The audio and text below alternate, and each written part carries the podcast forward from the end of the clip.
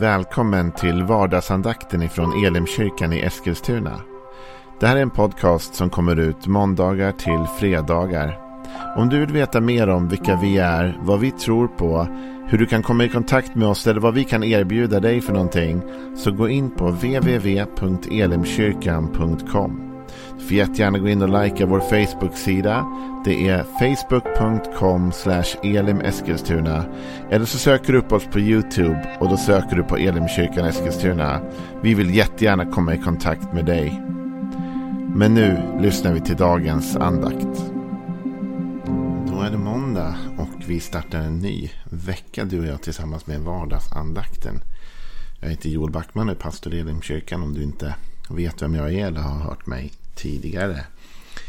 Förra veckan så gick vi igenom delar av Jesu bergspredikan och vi hann ju inte igenom hälften av den eller ens liksom en tredjedel. Det var bara axplock därifrån och vi kommer säkert att komma tillbaka dit framöver också.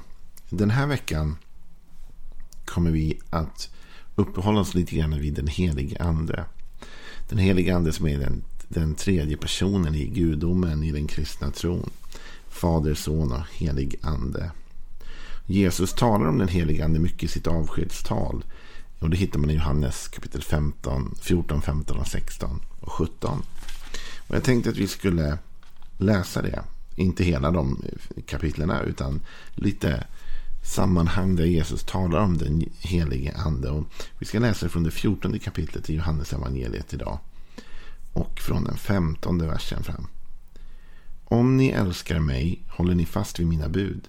Och jag ska be Fadern och han ska ge er en annan hjälpare som ska vara hos er för alltid. Sanningens ande.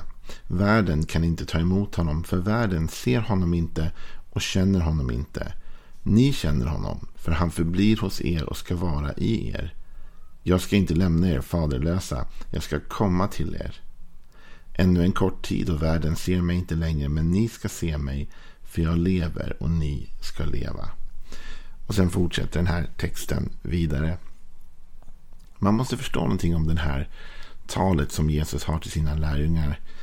Det är inte bara nu liksom en, en guide i teologi. Det är inte bara en handbok i kristen dogmatik och lära. Liksom. Det är inte liksom bara att Jesus nu ska förhöra sig här om att de verkligen har förstått all teologi. Utan det här är ett tal till människor mitt in i deras liv, i deras vardag. I en vardag som håller på att förändras radikalt. Det är, förstå mig rätt, mycket teologi i detta. Det är mycket om både himmelen och om, om nu och om allt annat. Men faktum är att det här börjar ju i det fjortonde kapitlets första vers så här. Låt inte era hjärtan oroas. Tro på Gud och tro på mig. I min faders hus finns många rum. Om det inte vore så skulle jag då ha sagt att jag går bort för att bereda plats för er. Och så fortsätter texten. Det här handlar om att Jesus talar till dem och säger det första. Var inte oroliga. Han säger inte bara nu ska jag kolla att ni kan teologin när jag går till Fadern. Utan han sätter fingret direkt på det de känner och det de tänker. De är oroliga för att Jesus är på väg någonstans liksom vidare. Va? Hur ska det gå? Och Jesus säger var inte oroliga. Och i det här talet då så kommer han till detta med den helige ande. Och jag skulle vilja den här veckan inte bara fastna heller i teologin. Inte bara sitta här med dig i en vardagsandakt och försöka reda ut hur en treenighet kan fungera. Eller vem är egentligen den helige ande? Liksom, hur ska han förstås ur teologins alla olika grundvalar? Liksom? Utan jag vill mer att vi ska få någonting till vår vardag. Förstå någonting om vad den helige, vem den helige ande är och hur den helige ande hur han kan påverka vårt liv och vad han kan göra för oss i vår vardag. Jesus talar om att han inte ska lämna dem ensamma. Att han ska be Fadern nu och Fadern ska ge dem en annan hjälpare som ska vara hos er för alltid. Som ska vara hos er för alltid. Det finns mycket att säga om det.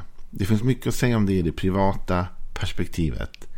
Det vill säga, vi är aldrig helt ensamma. Den som har tagit emot Jesus i sitt hjärta och också har fått del av den helige ande i sitt liv. Den personen är aldrig helt ensam. För Jesus har sagt att han skulle sända en hjälpare till oss, den helige ande, som ska vara hos oss för alltid. Även om du sitter och lyssnar på det här och du är isolerad i pandemin så är du inte ensam. Du har Jesus, du har den helige ande där. Den helige ande finns hos dig för alltid. Även om du inte har någon annan människa hos dig så har du den helige ande hos dig för alltid. Det är det ena perspektivet. Det är det mer personliga perspektivet. Men så tänker jag att det finns ett till perspektiv som jag kanske ville få uppmuntra dig med idag. Jag är ju förälder. Och jag har svårt att räcka till ibland. Jag tror inte att jag är ensam om att känna det. Och jag tror inte ens man behöver vara förälder för att känna så. Men jag ska förklara vad jag menar ur föräldraperspektivet. Jag kan inte vara med mina barn 24 timmar om dygnet. Det där är ju något man å ena sidan vill. För man vill känna att man kan hjälpa dem jämt. Sen vill man såklart ha lite lugn och ro också. Och vila någon gång. Eh, men i alla fall. Man kan inte finnas där för sina barn hela tiden. Utan jag måste lämna dem på skolan. Skolplikt, jag har inte ens ett val. Jag måste också lämna till förskola och annat för jag måste jobba. Jag måste hinna göra andra saker som jag bara måste göra. Och Det innebär att det finns stunder av mitt liv varje dag då jag inte är där närvarande för mina barn på det sätt jag vill. Jag kan inte hjälpa dem hela tiden. Utan någon annan måste hjälpa dem.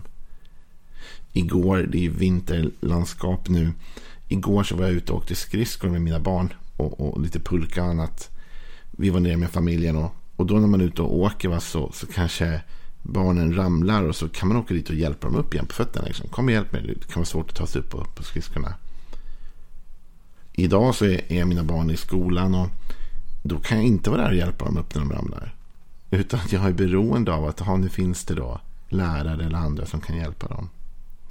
Vet du, när Jesus går till Fadern så lämnar han inte oss ensamma. Det är inte det att han inte finns där längre att hjälpa eller stödja oss. Men han har fått överlåta det till den helige ande. Han säger jag ska be Fadern och han ska ge er en annan hjälpare. Som ska vara hos er för alltid. Och jag undrar om du och jag tar vara på det erbjudandet. För det här är en genuin och sann hjälp in i din och min vardag just idag. Nu när mina barn är på skolan så får jag överlämna dem åt den helige ande. För jag kan inte vara där just nu. För jag är här. Men den helige ande är där. Och därför när jag åker med barnen i, i bilen på morgonen till skolan så ber vi varje morgon. Och det är mitt sätt att överlämna dem i den helige andes hand och säga nu litar jag på dig helige ande att du hjälper mig. Du vet precis som jag om du har barn eller inte, om du bara har ett stressigt liv eller mycket att göra så vet du att vi som människor, vi räcker inte till. Och speciellt i den tid vi lever nu då det känns som att kraven och pressen bara ökar. Vi ska hinna så mycket, vi ska vara så produktiva. Vi ska hinna så mycket med vårt hem och vårt liv och vårt arbete och olika saker och vi ska göra det bra också. Jag lyssnade på en föreläsning för väldigt många år sedan som var väldigt intressant av en person som jobbade med statistik och liknande. Och, eh, och, och, liksom, eh, och hon berättade då att Sverige var ett unikt land vad det gällde status. För att i många länder i världen, sa hon, så är det så att människor de blir framgångsrika och då hör det till statusen att man skaffar någon som kan städa eller man skaffar någon som kan klippa gräset eller man skaffar någon som hjälper en med barnen eller någonting. Men i Sverige, sa hon, i Sverige så ska, är det status att klara allt själv. Det är status. Du ska lyckas med ditt äktenskap, din familj, dina barn. Du ska lyckas med att ha en fin trädgård. Du ska lyckas med att hålla huset fräscht. Men du ska klara det själv. Det är högre status om du klarar det själv. Och det är klart, ingen kan leva upp till det där till slut. Det blir för mycket. Och lägg då till att vi också vill tjäna Gud och ha en kallelse och andra saker vi känner att vi vill ha också. Vad ska man göra då? Man ska ta hjälp. Framförallt ska man ta vara på den hjälp som redan är given och som finns där.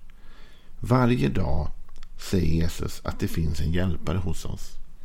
Men frågan är, sätter du och jag den här hjälparen i arbete? Ber vi den här hjälparen om, om hjälp?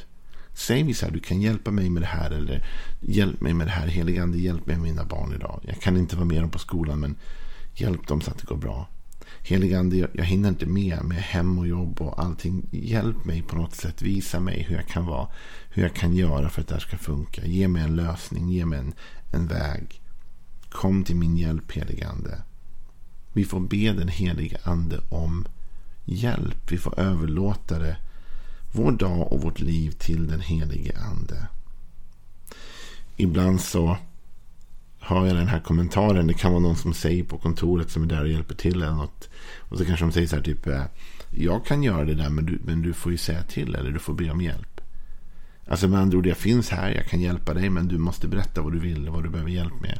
Du får delegera här till mig vad jag ska göra. Jag kan inte bara vara tankeläsare eller bara anta. Utan vad vill du att jag ska göra? Jag finns här om du behöver hjälp. Och den korta tanken jag vill ge till dig idag, som kanske inte är någon djup, superdjup teologisk tanke. Och den kanske inte heller är liksom ny eller överväldigande för dig. Men jag tror att vi behöver påminna oss om den. Det är att vi har den helige ande som en hjälpare i vårt liv. Men det är ditt och mitt ansvar att be honom om hjälp. Det är ditt och mitt ansvar att säga till den helige Ande, hjälp mig. Att engagera den helige Ande i vårt liv. Att säga, helige Ande, hjälp mig med min ekonomi. Helige Ande, hjälp mig med mitt äktenskap. Helige Ande, hjälp mig med mitt arbete. Det går inget bra. Jag behöver nya tankar, idéer. Jag behöver nya möjligheter. Öppna stängdörrar. Helige Ande, var med mig idag. Så vi har en hjälpare vid vår sida, du och jag. Men frågan är, har vi engagerat honom i vårt liv? Annars vill jag uppmuntra dig att göra det idag. Jesus sa, jag lämnar er inte ensamma eller faderlösa. Det finns någon som ni kan ropa på. Men nu är det den helige ande som är hos er för alltid. Och ni ska liksom ta vara på den hjälpen. Ibland så kanske det blir lite konstigt liksom när jag sitter och ber till Jesus om mitt liv. Och jag ber till Jesus om hjälp och olika områden. Och så säger Jesus kanske till mig ibland. Men Joel, jag har ju gett dig en hjälpare. Du har ju den heliga ande i ditt liv. Har du bett den heliga ande om hjälp? Har du satt honom i arbete? Har du sagt heliga ande, nu får du gå och hjälpa mig med det här?